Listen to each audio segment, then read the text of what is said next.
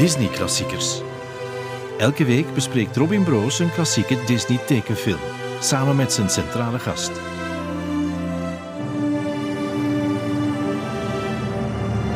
Welkom in de achtste aflevering van Disney Klassiekers. Vandaag heb ik twee gasten. Um, en om het nog verwarrender te maken, hebben ze allebei dezelfde voornaam. Um, aan de ene kant zit Jasmin Mazarin de Walen.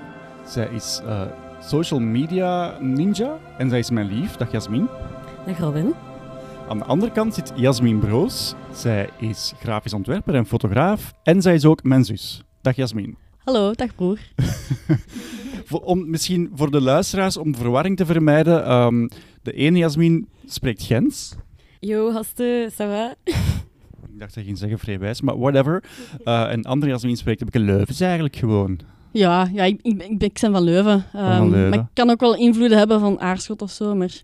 Ik probeer het bij Leuven te houden. Ja, hou het bij Leuven. Ja. Um, het is ook niet de meest evidente film, dus er mag wel wat verwarring zijn. We hebben, we hebben samen in de aanloop naar deze podcast gekeken naar Alice in Wonderland, de meest geflipte tekenfilm aller tijden, denk ik. Kan wel, ja. Dat is geweldig, toch? Wat ik meestal vraag is, zijn jullie Disney-fans? In jullie geval weet ik het wel, maar de mensen die luisteren weten het niet. Hè? Ben jij een Disney-fan? Ja, ik, ik, ben een grote Disney-fan, vooral als ik klein was. En nu is dat zo toevallig terug allemaal opgeborreld. Kijk, ik heb een lief die een grote Disney-fan is. Die heeft toevallig ook een podcast. En dan komt het allemaal terug. Dus een beetje een positieve nostalgie die terugkeert. Je durft niet anders te zeggen. Ja. Ja, en mijn zus, ja, wij waren vroeger als kind geweldig Disney-fan. Ja, zeker weten. En als uh, kleine zus zijnde volgde ik u altijd blindelings, tot op zekere hoogte. Uh, dus um, ja. En wij kochten de video's meestal in, met, in het Nederlands gesproken, omdat jij nog geen ondertitels kon ah, nee, lezen. Nee, ja, nee. Want, voor de duidelijkheid, Jasmin is drie jaar jonger. Ja. En de, ik weet, The Lion King is de eerste film, denk of de laatste film Nederlands of de eerste film in het Engels. Dat weet ik niet meer goed. Maar was dat het kantelmoment? met The Lion King. Ja, ik herinner mij dat wel dat, we naar, ik herinner me dat we naar Pocahontas zijn gaan kijken in de cinema Ja. en dat ik ben gaan kijken alleen met de ondertitels en dat jij bent gaan kijken in het Nederlands. Dat zou kunnen. Zo volwassen dat jullie al in het Engels die Disney-films keken. Want ik keek die allemaal in het Nederlands op video. De Nederlandse versie gewoon. Dus in, in dit geval nu, Alice in Wonderland, dat is dan de eerste keer dat je die in het Nederlands hebt gezien. Sorry, in het Engels hebt gezien. Ja, ja, ja, dat is de eerste keer dat ik die in het Engels heb gezien. Maar natuurlijk, ja, met Alice in Wonderland heb ik al langer iets. En daar zie je wel alle quotes en ja, die zijn allemaal in het Engels. En van de boeken, als je daar dingen over leest, is dat ook in het Engels. Dus ik ben wel mee met de Engelse taalgebruik in Alice in Wonderland. Maar ik heb die origineel wel in het Nederlands gezien. Wacht, dan moet je even uitleggen. Je hebt wel iets met Alice in Wonderland, als in met het boek. Ja, het boek heb ik sowieso ook gekregen, allebei als kind. Dus het was super fijn om ja, die verhalen zo mee te maken. En dan heb ik de Disney-film gezien, geen idee in welke volgorde. Maar dan in 2010 met de Tim Burton remake is dat weer allemaal opgekomen. En dan ik en mijn beste vriendin waren daar zo volledig obsessed mee. Het ene, hele half jaar voordat die film uitkwam. Dus ja, mijn twaalfjarige ik was er helemaal crazy van. En jij, Ja. Jasmin? Want ja, jij was vroeger ook wel een geweldige fan hè, van Alice in Wonderland. Ja, zeker weten. En eigenlijk nu nog steeds. En ik heb vooral zo'n band met de kat. Met de kat, Ja. de, de, de, de eh, paarse kat. Ja, ja. En uitspreken van de kat is altijd moeilijk. Dus eigenlijk, naar aanloop van de podcast kunnen die beter gewoon een paar keer herhalen. Zo. Ik ga eens een poging doen. De Ja. Cheshire Cat? Ja, de Cheshire Cat, de Cheshire Cat, de Cheshire- Cheshire, Cheshire, Cheshire. Cheshire. De Cheshire, ja, voilà. Cheshire, Cheshire. Het, is, moeilijk. Ja. Maar je hebt ook een boek bij, zie ik. Ja, ik heb ook een boek bij, want eh, mijn papa las mij ook altijd eh, verhaaltjes uit. Dus ook, dat is ook boek? mijn papa, maar die las daar niet uit voor voor mij. Of hij toch niet in mijn, niet in mijn herinnering. Dat is iets dat eh, Robin niet weet. En Nee, nu ja, komt het allemaal ehm, uit, hè. ik moest die altijd eh, voorgelezen krijgen van papa. En in mijn boek is het, eh, het meisje heeft die eh, bruin haar en groene ogen, wat dat goed uitkomt voor mij. Ja, ja, ja, dat zien de mensen natuurlijk niet. Nee. ehm, tenzij dat ze de foto gaan opzoeken op eh, de social media. Ja, maar in het echte originele boek, want ik heb ook een boek mee, maar dat is niet het originele originele, heeft ze blijkbaar ook een geel kleedje aan, denk ik. En heeft ze ook bruin haar, denk ik. Ah, ja. Ja, ik heb daar zo foto's van gezocht op internet. En, eh, dus dat is wel een heel groot verschil met de Alice in de Disney-film die we Ja. kennen. Ja, inderdaad. Dus eigenlijk als we denken aan een blauw kleedje en blond haar, dan is het de schuld van Walt Disney. Ja, de schuld van Walt Disney, maar ook de personages in, in het verhaal van Lewis Carroll zijn sowieso gebaseerd op allemaal meisjes die hij kende. En daaruit zat niet het Alice-personage gebaseerd, maar de tekeningen zijn dan gebaseerd op nog iemand anders die hij kende. En die had wel zo blond haar en een haarband. Dus vandaar komt de tekening een beetje. Misschien moet ik voor wie niet meteen weet waar het over gaat, dat doe ik elke keer, even kort samenvatten waar de film over gaat. Dus eh, Alice in Wonderland is gebaseerd op Alice Adventures in Wonderland, maar ook een ander boek en dat heette Through the Looking Glass, een eh, boek van Lewis Carroll dus, die hier al vernoemd is. Eh, het gaat over een meisje, Alice, die onder een boom zit terwijl ze luistert naar haar grotere zus. Eh, die leest vooruit een geschiedenisboek en die Alice vindt dat al- allemaal maar niks. Het eh, boeit haar niet en ze wordt afgeleid door een wit konijn. Een wit konijn met een klok in zijn hand en die roept I'm late, I'm late for a very important date. En Alice volgt het dier in een hol onder de grond, valt door een diep gat en komt terecht bij een kleine deur met een pratende deurknop. Enfin, dat is eigenlijk maar het begin, een introductie in een, eh, in een soort van wonderland knettergek is. En na heel wat omzwervingen ze dan bij de koningin van dat wonderland, de hartenkoningin. Iemand die graag kroket speelt en eh, iemand die ook wel graag mensen onthoofdt. Eh, en Alice wordt niet meteen ter dood veroordeeld, maar krijgt wel een, krijgt een rechtszaak. Waar dat ze uiteindelijk dan toch ter dood wordt veroordeeld. Voilà, alle spoilers in één keer. En ehm, Alice kan ontkomen en wordt terug wakker onder de boom. Dus je zou kunnen denken dat heel die film een soort van droom is. Ja, een soort van hallucinatie misschien. Vandaar de paddenstoelen misschien. Mhm. Ja, en ook eh, een soort droom, want ze is ook een tiener. Dus ik zie dat ook altijd als een soort opgroeidroom, waarbij ze in slaap valt en alle soort vormen aanneemt en dan, en dan heel hele levensjourney doorneemt en dan weer wakker wordt en met nieuwe inspiratie door het leven gaat. Ehm, ja, zo had ik er niet over nagedacht. Jij wel? Ja, er zit altijd uiteraard moralen in zo'n films. En dat lijkt me wel een aannemelijke moraal, als, al- als in eh, levensloop en, en dingen dat je kunt tegenkomen. Wat is dan de moraal bijvoorbeeld? Ze komt op een bepaald moment een rups tegen en die, eh, die is van alle substanties aan het roken. Dat wordt niet gespecificeerd, maar je kunt er wel een idee van maken. Eh, wat is de moraal van die scène? Dat, dat je altijd je weerwoord mocht geven en dat er heel veel arrogante mensen in de wereld zijn, maar dat je daar niet door moet laten kleineren. Of gewoon don't do drugs. Wauw, die had ik niet zien aankomen. Ja, ja, oké. Eh, heb je over elke scène zo nagedacht? Ja, eigenlijk wel. Maar de rups... Ik heb ooit nog toneel gedaan, lang. En ik heb ooit eens een hele monoloog van Alice in Wonderland gedaan, waarbij ik en de Stones rups moest spelen en Alice. Oh, wauw. Dus dat is wel een scène dat ik mij ehm, een keer een half jaar heb moeten inwerken. En die dan als 15-jarige of zo voor mijn ouders moest optreden. Ja, I did that. En heb je dan ook substanties gerookt om in het personage te komen? Nee, nee, nee, nee, nee. Dat was het mooie eraan. Hè. Ik moest zodanig spelen dat ik helemaal verdwaasd was en een zware stem spreken. Was tof. Ken je daar nog iets van van buiten? Nee, ik ken er echt niks meer van van buiten. Ik heb er heel erg op, op gestudeerd. En dat was echt een monoloog van een half uur. Dus ik heb dat een beetje verdrongen ondertussen. Maar eh, Maar je zegt dan nu gewoon omdat je het niet wilt doen. nee, nee, dat is niet waar. Misschien. Wat ik helemaal vergeten was, want dus, het begint dan bij die kleine deur en die deurknop zegt je moet, eh, je moet iets eten van die tafel, eh, fijn, dan wordt ze groot en klein en weet ik veel. Maar eigenlijk de allereerste scène in Wonderland eh, is zo in het water, met zo die kapitein die iets aan het zingen is, die een dodo, en ik was, ik was dat compleet vergeten. Ja, same. Ehm, maar het is wel fijn dat dat terugkomt. Forward, backward, inward, outward, come and join the chase. Nothing could be drier than a jolly caucus race. Backward, forward, outward, inward, bottom Ik vond dat een heel wijze scène. En ik was die inderdaad ook vergeten. Want die komt ook niet in de latere Tim Burton remake, hè? Nee, nee inderdaad. En ehm, ook zo, pas dan besefte ik van eigenlijk hangt die film aan één met kleine verhaaltjes. Pas, pas dan besefte ik dat van, ja, eigenlijk, dit, ja, ja, waardoor dat je het kunt vergeten. Het kleine verhaaltje van de dodo. Ja, want je hebt de dodo dan, dan heb je... Het zijn allemaal kleine ehm, stukjes. De, de walvis en de timmerman. Dat is dan weer een verhaaltje in een verhaaltje. Ja. Ze komt dan die tweeling tegen. Ja. En die staan erop van een, een, een verhaal te kunnen vertellen. En blijkbaar was dat ook iets wat Disney heel erg uh, in zijn film wou. Want er is op een bepaald moment getwijfeld van gaan we die scène niet schrappen, want die voegt weinig toe. Maar hij wou per se dat verhaal daarin, het verhaal van de oh, oesters. Misschien moet je het even samenvatten. Even samenvatten. De walrus en de timmerman. De, de walrus en de timmerman zijn onderweg. En uh, plots zegt de ene tegen de andere dat hij wel honger heeft, denk ik. Dan zegt de walrus, die dus onder water kan gaan, want het is een walrus. Ah, ik zal het wel regelen. En dan gaat hij onder water. En daarbij komt hij allemaal oesters tegen, oesterfamilie, ja, toch? Babytjes met de mama. Ja, ja, baby-oesters die dan bestaan en met de mama. En die hebben ook een kalender. En dat is ook een heel leuk fun fact. Ik weet dat jij de weetjesman bent, maar op een bepaald moment komt die kalender even twee seconden in beeld, maar er wordt nooit uitgelegd waarom. En daarop staat March, dus maart. En de R is heel groot afgebeeld en in het rood.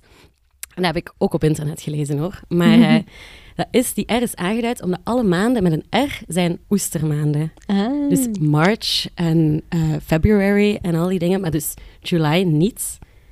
Dus vandaar dat die R even in beeld komt. Nog, ik ga er nog een beetje bovenop smijten. Uh, er is zelfs een, op die kalender staat ook een datum. En die datum hebben ze in 2010 gebruikt voor de release date van Tim Burton zijn Alice in Wonderland. Met oesters. Waarschijnlijk was het feestje met oesters. Ja, voilà. Ja, hopelijk. Dat pas Ba baby oesters. ja, want om mijn verhaal dan verder af te maken, uiteindelijk pakt de walrus de oesters mee op een, uh, op een tocht, zo gezegd. En dan zet hij ze allemaal aan tafel en eigenlijk stiekem staan er op het menu oesters. Maar dat weten de oesters natuurlijk niet. En plots zijn de oesters weg. Ja, ja, ja, en dan wordt de timmerman boos, want die heeft geen oesters gekregen. Want die was intussen in de keuken een of ander sausje aan het maken. Ja, geen idee wat de moraal daarvan is eigenlijk. Ja, er snel eten. in. Ja. En ook het feit dat die baby-oestertjes die blindelings volgen en zo. Ja, misschien gewoon geen, geen grote Don't talk to strangers. Don't talk to strangers, ja, exact, exact. En laat een walrus nooit alleen. Ja. ja. En deel uw eten. Amen. Dankjewel voor deze religieuze toevoeging. en we gaan verder met een volgende scène. En de volgende scène, ah, de volgende scène is die met de rups, denk ik. Ja, ja. En die rups die rookt dan ook letters. Dus die praat eigenlijk alleen in vragen en in letters. Who Ja, ik vond dat heel tof. Sorry, why? En dan komt er een Y natuurlijk. En zo. Oh, dat was echt cool. Ja, ik, en dat is ook iets dat ik als ik klein was denk ik niet echt goed door had. Maar uh, ja, nu zag ik die letters altijd zo. Ja, tuurlijk. Maar ja, ook, we zien dat dan in het Nederlands. En ja. in het Nederlands zijn die Toen was dan nog woorden of die letters niet hetzelfde. En, en ja, eigenlijk gaat toch veel van, van, het, van het ding weg. Ja, ja eigenlijk. Ja, nu worden zo'n dingen zo automatisch vertaald, hè, precies. Ja, Zo'n mhm. dingen die geschreven zijn in films, worden zo vertaald. Maar ja, toen was dat nog niet. Toen kwam daar een, een Y en ja, was dat van... Ja, ja, inderdaad. Zo, in, in computeranimatie kunnen ze heel gemakkelijk woorden in beeld vertalen. Ja. En dan moeten ze gewoon een nieuwe film of een nieuwe versie renderen. En, en vandaar dat ook zo de, de, de titel van de film soms in, in de lokale taal wordt mhm. gedaan, omdat het blijkbaar eenvoudig, of eenvoudig, dat weet ik nu niet, maar omdat het alleszins kan. Maar ja, met zo'n handgetekende tekenfilm, je gaat niet even al die letters opnieuw nee, doen. Nee, zeker niet in uh, 51. Maar hoe raar is het dan? Die zit op een paddenstoel en dan zegt hij nog van... Ja, als je van de twee kanten een stukje pakt, dat is altijd handig voor onderweg. Allee, wat waren die mensen aan het roken toen die dat schreven? Ja, ik zou het zelf niet weten, maar uh, ja, de referentie naar de paddo's, dus waarschijnlijk zullen ze daar wel ervaring mee hebben. Denk ik. Zou kunnen. Heel raar, alleszins. Goed verhaal um, voor kindjes, hè? en is het dan al dat ze bij... Nee, hè, dan, komt ze, dan is het nog niet tea, de tea party, hè, dan komt ze bij de zingende bloemen. Ja, ook weer een moraal, hè? Bodyshaming en alles. Die bloemen beginnen zo echt zo hè, tegen de tijd van het liedje van wat voor lelijke bloem ben jij? Ja, je bent, je bent uh, onkruid. Daar kwam het eigenlijk op neer, hè? Ja. Ja, zolang dat je er niet bij hoort, gelijk eruit zien hoe dat zij eruit zien, hoor je er niet bij. Helemaal. Dat is heel, ik vond het een heel heartbreaking scène, want ze is zo helemaal erin mee en ze is zo, oh wow, een Alice, I never seen an Alice before. En dan denk je van, oh ja, nee, het is eigenlijk onkruid, ja, weg, weg ermee. Ja. zielig. Maar het optreden vond ik wel mooi. Ja, ja het liedje is, is mooi en dat onthoud je, maar eigenlijk, wat ze daarna dan zeggen, is zo... Oh. Ja, ja exact. Niet dan heb je ook de, de rode tulp, denk ik, of de roos, Ja. die zo'n beetje de dirigent speelt. Dus eigenlijk vind ik dat een beetje de Dirk Brossé van Alice in Wonderland. De Dirk Brossé der tulpen. Ja, exact. Het is ook wel een prachtig nummer, hè? Die In the Golden Afternoon. Mhm, Ja. ja, dat wel. learn a lot of things from the flowers, or especially in the month of June. there's a wealth of happiness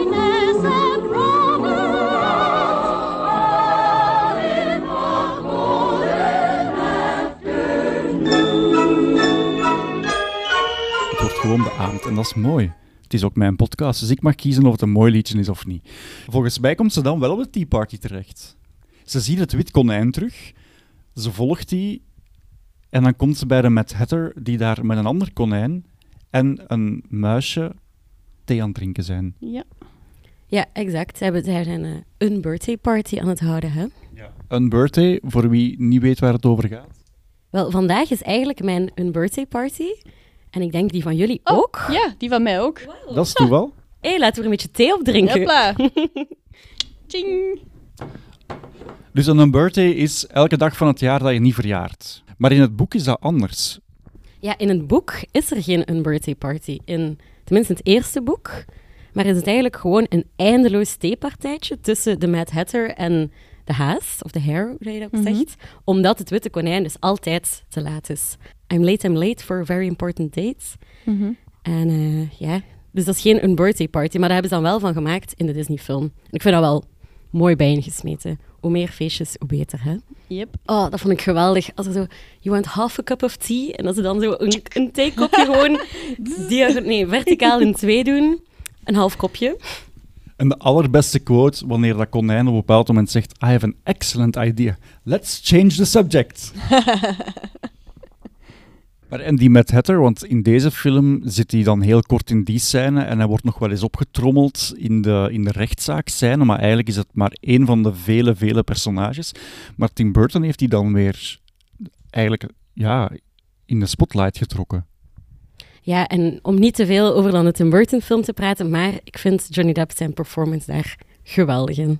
Ja, dat is waar. Het is een goed typetje voor die acteur. Maar, maar jullie mogen over de Tim Burton-versie praten, hè? Oké, bedankt daarvoor. In dat geval, eh, nee, nee, nee. Ik vind dat inderdaad in de Disney-film komt hij niet als. Die komt even voor en die blijft in ons gedachten altijd zitten.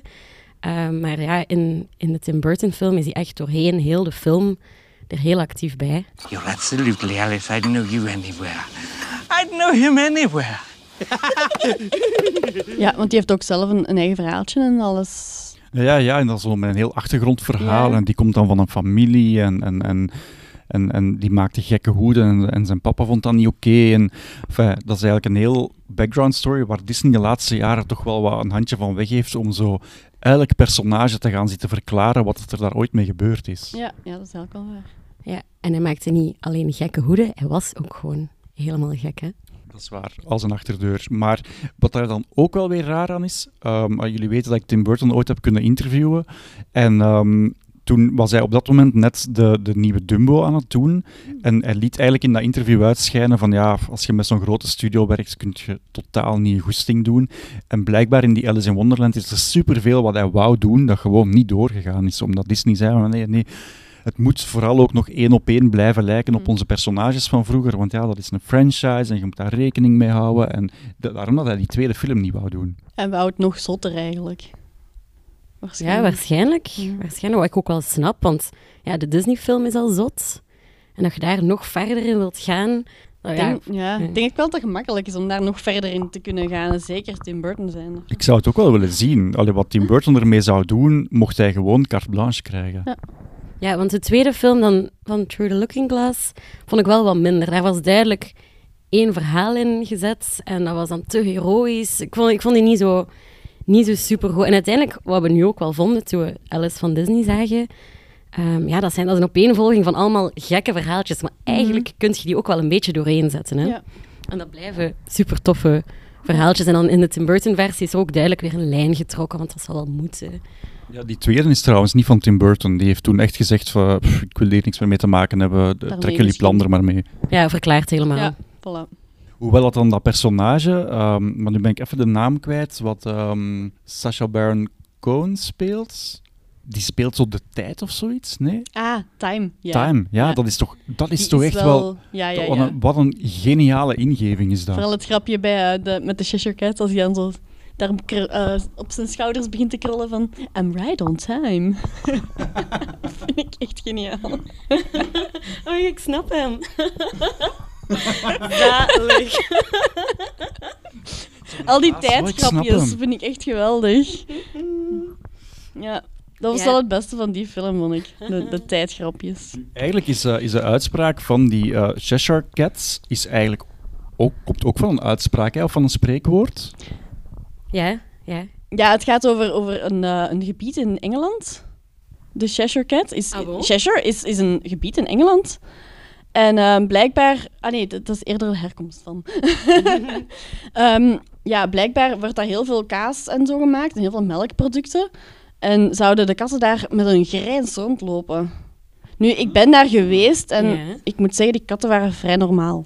Ah, voilà. Maar dat verklaart dan natuurlijk wel weer de Engelse uitspraak van a grin like Ah, a ja, Cheshire. Cat. Ah, zo. Ja. Voilà. En dat is dus ook iets dat Tim Burton... Eh, Tim Burton, amai.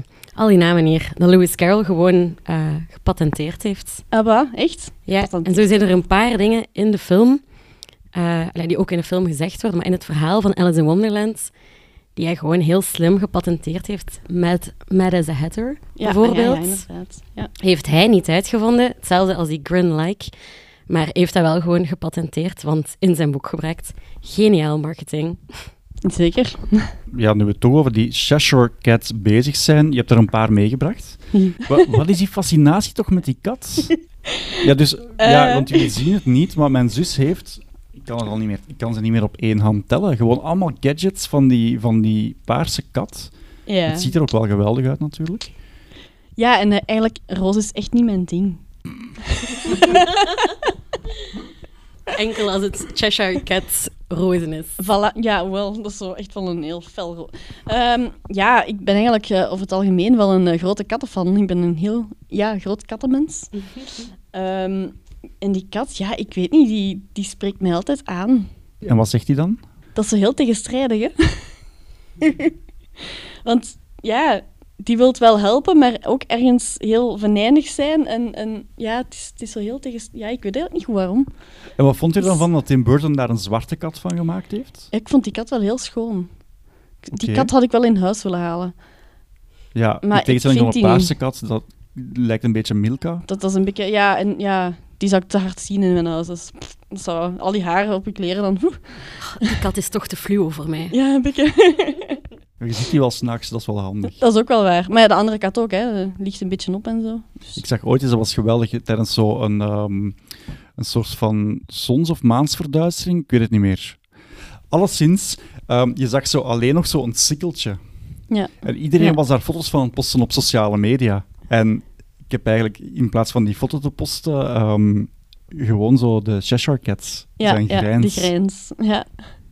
Ja. vind die geniaal. Ik denk dat er twee mensen dat geliked hebben. Jij en nog iemand die ik ken die echt een ongelooflijk fan is van eh Alice in Wonderland. Mogelijk. Ja, wat heel cool is aan die kat in, in de Disney-film, is hoe dat ze zo spelen met de bewegingen daarvan. En die strepen blijven dan over en Ja. andere Ja, strepen ja. weg. Als je dan weet dat de Cinderella heel erg ja, op bespaard is. En nu plots kunnen ze heel erg spelen met alle vormen van alle figuren. En de Cheshire Cat is dan de raarste van allemaal, vind ik wel. Ja, ja van, qua figuur. Ja. Maar je zou ook wel kunnen zeggen dat, eh, dat die kat wel bijna één op één geïnspireerd is op de kat van Cinderella. Het is echt dezelfde, dezelfde vorm, dezelfde grijns bijna. Of, eh, ja, nee, de grijns misschien Mm, niet helemaal, maar Ja, toch wel een beetje hoor. Want Cinderella heb ik dan toevallig ook vorige week nog maar gezien. En eigenlijk lijkt die grijns er wel heel erg op. En inderdaad, de vorm van de kat, gewoon de zwarte versie dan. Ja. Dus de normale wereldversie van de kat. Dus jij bekijkt alle films ook in de volgorde van mijn podcast. Ik kijk daar toevallig eens naar mee als dat opstaat, elke week. Heel tof hoor, heel tof.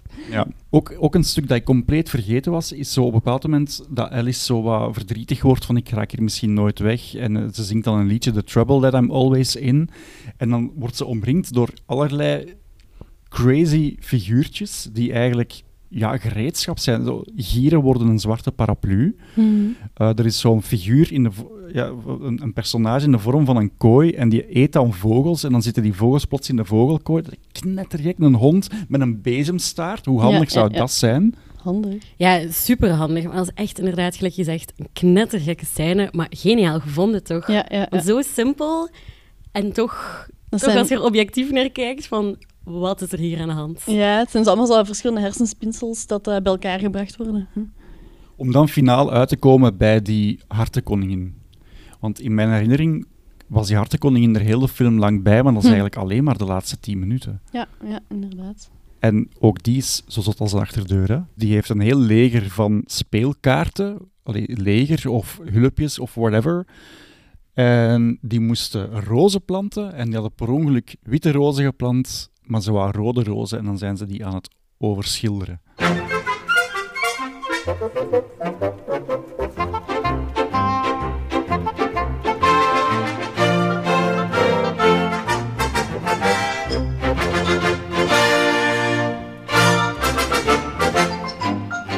Ja, ook die scène heb ik op toneel moeten spelen. Ja, er zijn er dus nog foto's van. We hadden dan ook echte grote kaarten laten maken, die we dan over ons konden draaien. Dus we waren met drie op het podium toen. En toen speelden wij de kaarten die uh, de rozen moesten schilderen. Met ook een beetje een hoek af dat die tekst was. Want dat was niet de originele tekst natuurlijk, een beetje een herwerking. Um, maar dus ja, ik heb nog foto's dat ik als een kaart rondloop op podium. En die gaat je mij doorspelen, zodat we die kunnen delen op de sociale media? Ja, misschien wel. Misschien wel. Staan nog niet op het internet. Ja, ik heb alleen maar foto's van uh, in het uh, doolhof in Disneyland, waar ik dan zo met de kaarten poseer. Ja, want effectief, heel die scène is eigenlijk in, in Parijs als een prachtige attractie. Dat is een, een soort van doolhof. Um, het is niet geweldig moeilijk, maar enfin, dat, al die gekke figuurtjes zitten daar wel in. Hè. Zo, um, ja. Die hamertjes die zo... Um, en, en, dat toetertje zo, dat, dat dan water spuit als het goed weer is. Ja, en onderweg in het doolhof kom je dan ook al die figuren tegen, zoals de rups en de, en de koningin. Want daardoor weet ik, uh, ken ik de Franse vertaling van Off With Our Heads. Ah, dat is... Want die zegt in, in, in die attractie, spreekt hij alleen Frans. Ja, en dan roept hij, coupez-leur la tête. Zalig.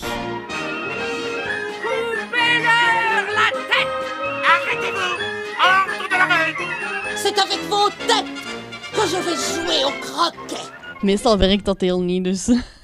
En wat ook wel mooi is, ik weet niet of je dat ooit gezien hebt, maar dus je hebt dan zo dat kasteel van de hartenkoningin, dat is dan het finale punt als je doolhof helemaal uitloopt. Ja. En daar staat eigenlijk net boven de poort een heel klein figuurtje. Wie is dat? De koning. Ah ja. Een bijpersonage, ja, die heeft, die heeft geen zak te zeggen. Nee.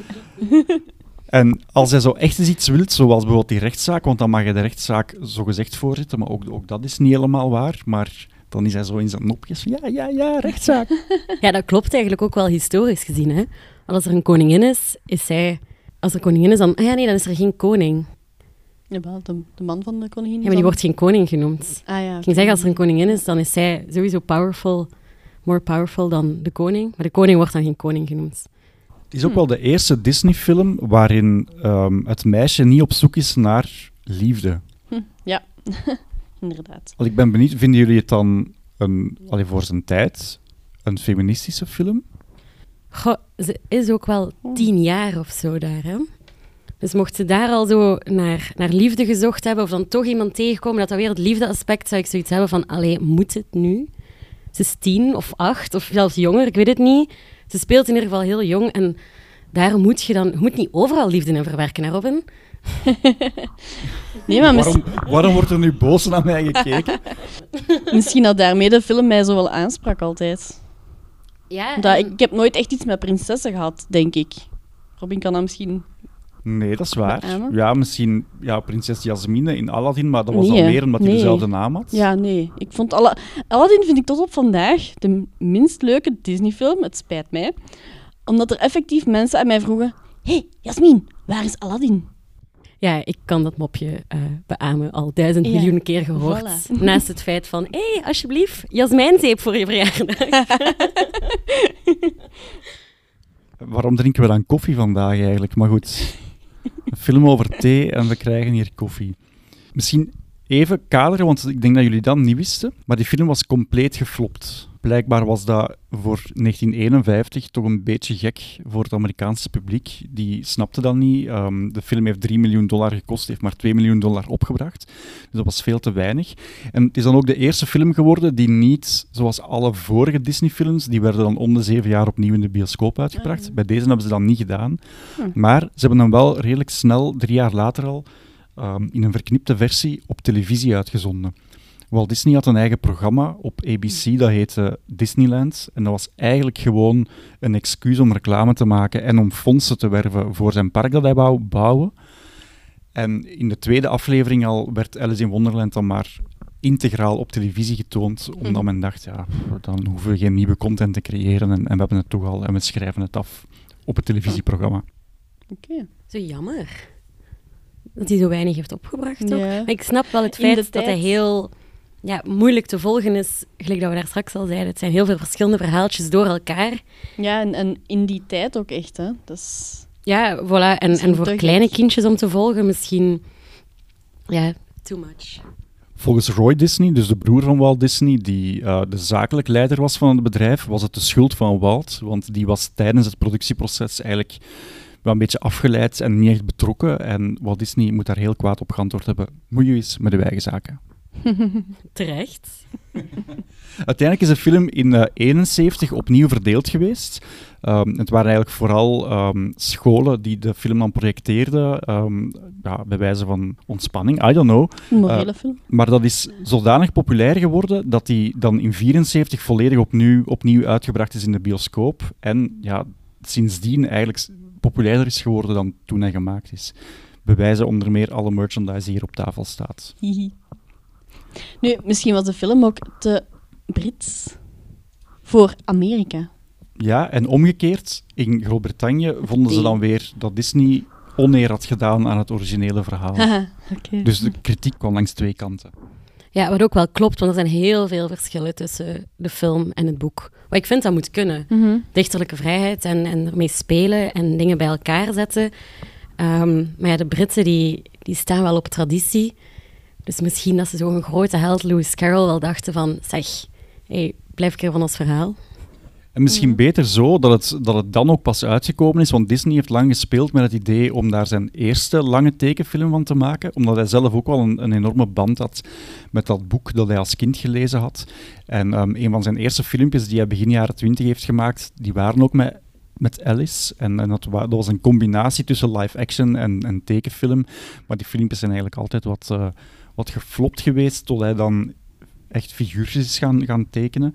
Uh, maar hij wou dus de eerste tekenfilm, dus die, die nu Sneeuwwitje geworden is, wou wij toch Mhm. liever Alice doen. Maar omdat er op dat moment een, een live-action film uh, bij Paramount was uitgekomen, heeft hij daar dan toch van afgezien. Omdat het anders zou lijken van, ja, maar je doet eigenlijk gewoon die live-action na. En dan heeft hij het uh, meer dan 15 jaar in de frigo gestoken. En daar kan niemand iets op zeggen, want het is gewoon zo. Ja, feit. Nu, de, de eerste film van Alice is toch zo een zwart-wit film met, uh, met die zo gespeeld is. Super raar ding. Dat is zo met, met uh, muziek op de achtergrond en dan zo tekst tussendoor. Ja, je vindt die terug op YouTube. Dat is echt, uh, een, ja, ja, ik, een heb het, ik heb het ook gezien. Ik heb het ook gezien. Voor deze film trouwens, want men, heeft ook heel lang aan de ontwerpen uh, gesleuteld en aan hoe moet het verhaal er nu eigenlijk uitzien. Er zijn veel verschillende versies van in omloop geweest. Maar wie de doorslag heeft gegeven van hoe dat we het eigenlijk vandaag kennen, is Mary Blair. Die had ik vorige week ook al even in de podcast aangehaald. Dat was een, een ontwerpster, een, een, een tekenares, schilderes die bij de Disney Company werkte. En zij heeft eigenlijk alle concept art gemaakt voor deze film. Dus het feit dat het een, een paarse kat is geworden, dat Alice er zo uitziet, al die gekke kleuren.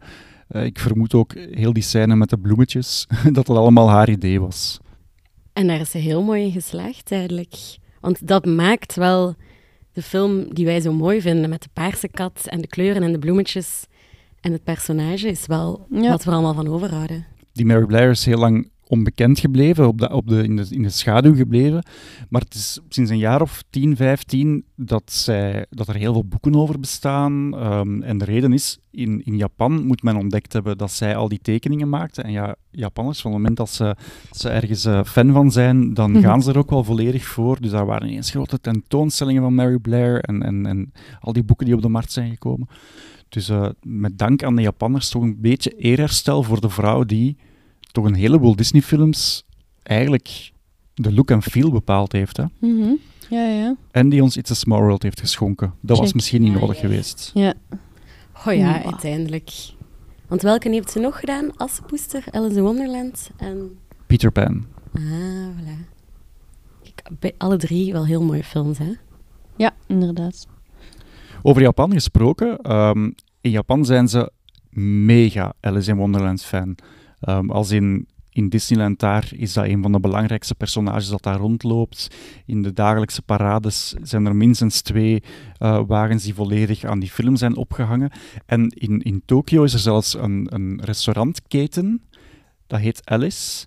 En dat zijn volledig aangeklede restaurants waar dat je dan bijvoorbeeld in dat doolhof zit. En dan zit je zo eigenlijk met, met, met je gezin of, of met je vriendengroep in een soort van, ja, in een werkplek zouden ze dat een vergaderkot noemen, Allee, of zo- of zo'n zo'n stoffen zetel, maar dan volledig alsof het, alsof het struiken zijn waar je dan in zit. Knettergek. En heb je daar dan ook zo drankjes waar Drink Me op staat? Of, of In koekjes, taart? taart? Ja, voilà, taart en koekjes waar je groter en kleiner van wordt. En thee. Heel veel thee. Ik denk dat het idee is dat, dat je denkt dat je groter of kleiner bent, net omdat je in een groot decor zit. Ja, dat, dat kan ook wel, maar dan heel mooi meegespeeld. Weet je trouwens van waar dat, dat komt? Dat Alice zo groter en kleiner wordt? Maar vertel het ons gewoon. Ja, wel, dat zal ik dan gewoon doen. Ehm, dus Lewis Carroll die leed zelf ook aan een eh, neurologische ziekte. Neurologische, ja, neurologische ziekte. Eh, waarbij hij dingen groter, objecten groter en kleiner zag. Hij kreeg hallucinaties en dan zag je objecten soms groter en soms kleiner. En dat is pas ontdekt in 1955 dat die neurologische ziekte er is. En dat heet nu het Alice-syndroom. Oké, dus hij die man heeft dat bij leven eigenlijk nooit geweten dat hij dat had. Nee, dus dat was wel geweten dat hij hallucinaties had en dingen groter en kleiner zag. Maar ja, we spreken voor 1900, toch? Eigenlijk verklaart het dan ook al een deel van de rups, hè? De hallucinaties van... Ook, dat zal er zeker ook wel mee te maken hebben. En, eh, en ook nog een extra weetje over hallucinaties en gekke mensen.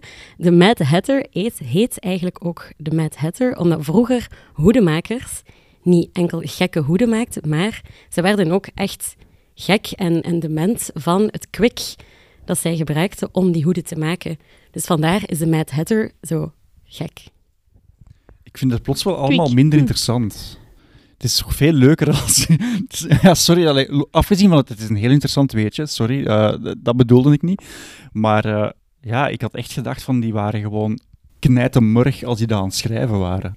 Nee, maar dat, dat maakt het juist extra mooi dat ze zo heel kleine details daarin verwerkt hebben, dat voor kindjes en voor de volwassenen gelijk wij die er naar kijken denken van wow, knettergekke film, allemaal zo magisch, maar it all makes sense. Op een of andere manier in een film that makes no sense at all. En ook kinderen kijken anders naar zo'n films dan volwassenen. En zodat je als volwassene ook een boodschap hebt eraan. Hela. Een, eh, een, een zeer medische boodschap van, oh ja, dat syndroom. Oeh. Maar ik denk wel dat mijn papa, die neuroloog is, al heel trots zal zijn dat ik dit weetje in een podcast heb verwerkt. Check. Ik stel voor dat als hij het hoort, dat hij u meteen een berichtje stuurt. Dan weten we ook of hij geluisterd heeft. Ah ja, dat is waar. Dus hij, hey papa, stuur maar een berichtje. Hè?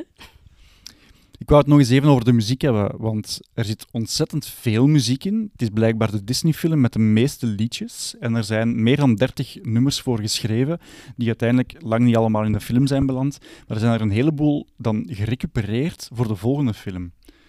Bijvoorbeeld The Second Star to the Right uit Peter Pan. Die muziek zou geschreven zijn voor Alice in Wonderland, maar daar is dan nieuwe tekst opgezet. En eh, de, de titelsong, dus die Alice in Wonderland waarmee het opent, eh, waarbij het koor dan zo tijdens die veel te lange, eh, hoe Mhm. zeg je dat, optiteling, het is geen aftiteling hè? Een voortiteling. Een voortiteling. Ja, dat is een jazzstandaard geworden. Dus die wordt nog altijd heel vaak door jazzmuzikanten gespeeld. Ik denk dat Dave Brubeck daarmee begonnen is in 1952, dus meteen een jaar later heeft hij dat opgenomen. En Dave Brubeck heeft dan in 1957 een volledig album gemaakt met Disney-nummers, waar hij meerdere gedaan heeft, maar daar stond ook die Alice in Wonderland op. Zelfs Bill Evans heeft het gespeeld, uh, een jaar of zeven, acht later. Dat was dan de openingstrack van een, van een album. Een hele lange versie, negen minuten.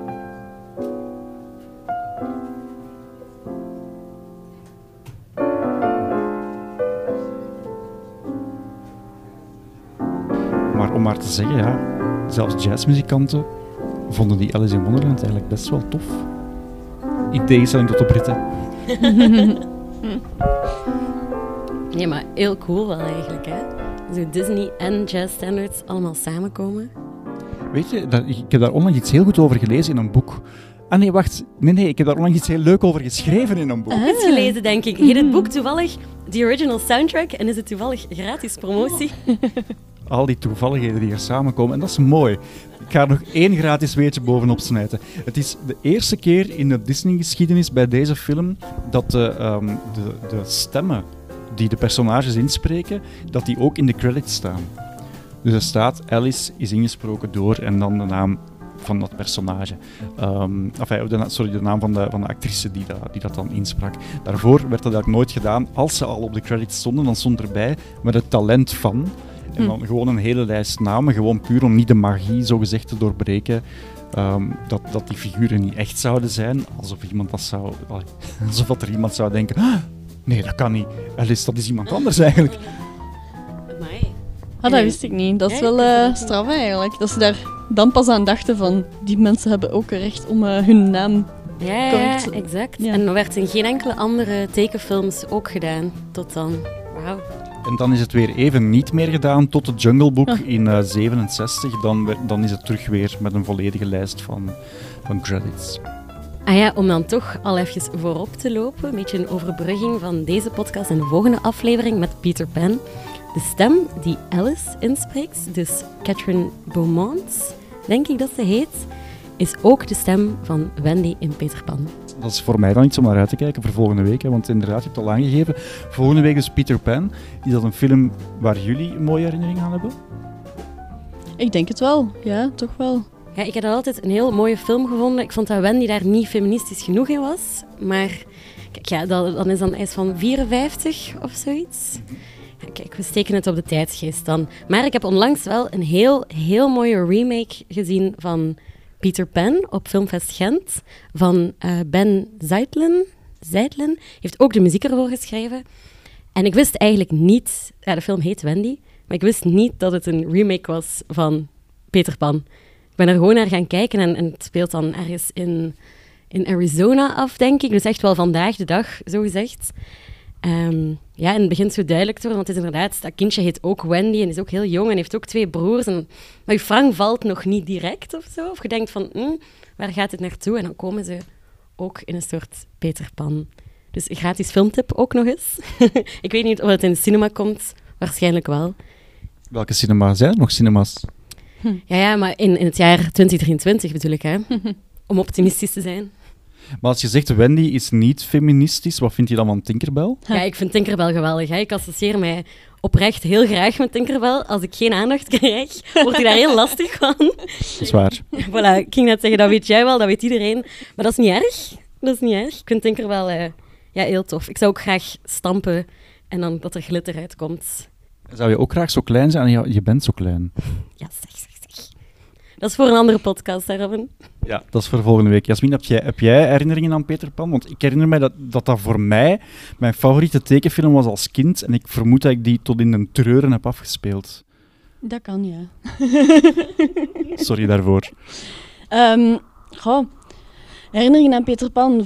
Vooral, denk ik, zo de, de scènes met, ehm, bij de Indianen en zo. Zo als, als eh, hoe noemt ze? Tiger Lily. Ja, als hij zo op een rot zit en zo. Dat is toch... En, en die gemene zeemerminnen. Maar wel mooie zeemeerminnen. Gemeen. Ja, maar alle personages zijn er heel mooi in, hè? Ja, ik, ik heb ooit eens gehoord dat Peter Pan eh, geïnspireerd werd op een, een kidnapper die aan kinderen ontvoerde en die dan eigenlijk echt nooit groot worden. Wat dat een hele gruwelijke een heel gruwelijke verhaal is. Ja. Dus Peter Pan is zo'n beetje de, de true uit de Disney-wereld. ja, liever niet eigenlijk. Het begint hier wel een beetje uit de hand te lopen. Eh, ik stel voor dat we... Heeft er iemand nog iets vrolijk aan toe te voegen? nog iets vrolijks aan toe te voegen. Maar dat is misschien wel om eerder eh, verder te gaan op de Britten die zo heel traditioneel zijn. Want ik ben ooit eens naar Oxford geweest, gewoon met mijn ouders in 2010. En wij kwamen in Oxford, wie ooit al in Oxford is geweest, weet dat is twee straten groot. En vol met mensen, vol met studenten. Kunnen we ons vandaag niet meer inbeelden, maar bon. Zo'n beetje Leuven, maar dan in het klein. Ja, Leuven maar een Brits, eigenlijk wel. En met waarschijnlijk hogere tuition fees dan de KU Leuven. maar dat, dit gezegd zijnde, wij kwamen daartoe met ons valiezen van de boot waarschijnlijk. En, eh, en heel de stad was in Alice in Wonderland thema. En dat kwam omdat het 4 juli was. En dan is eigenlijk Nationale Alice Day.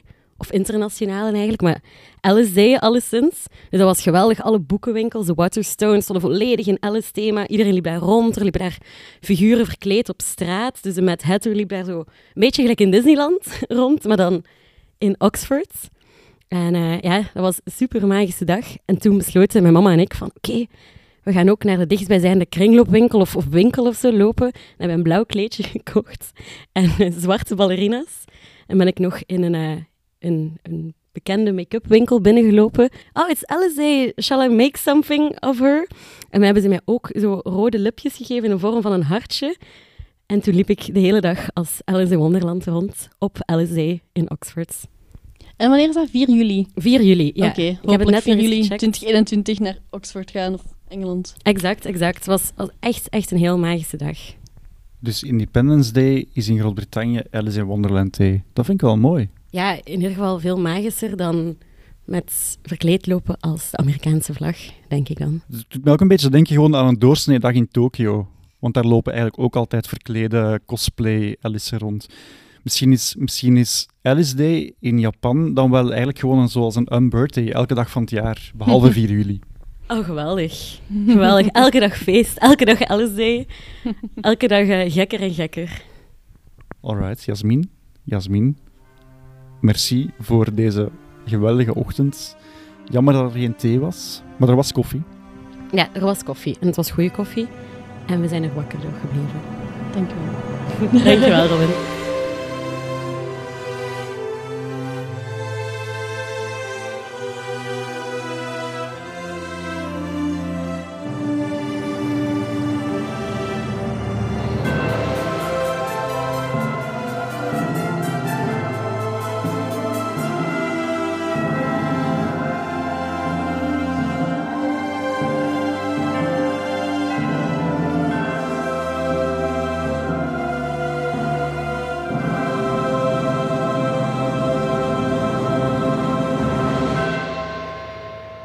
Al je vragen of opmerkingen naar robin.robinbroos.be of post ze onder de hashtag Disneyklassiekers.